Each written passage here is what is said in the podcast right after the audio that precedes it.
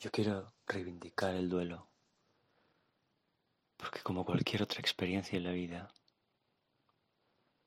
como la euforia, como el desamor, como la soledad, como la rabia, como la frustración, como la impotencia. Son invitaciones a la trascendencia de la imagen que uno tiene de uno mismo. Y el duelo, por molesta, por esa reacción instintiva que produce, casi instintiva que produce, para querer sacárselo de encima, es una de las invitaciones más potentes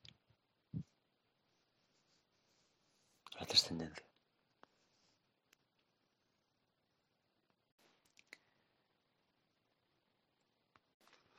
Asumir que uno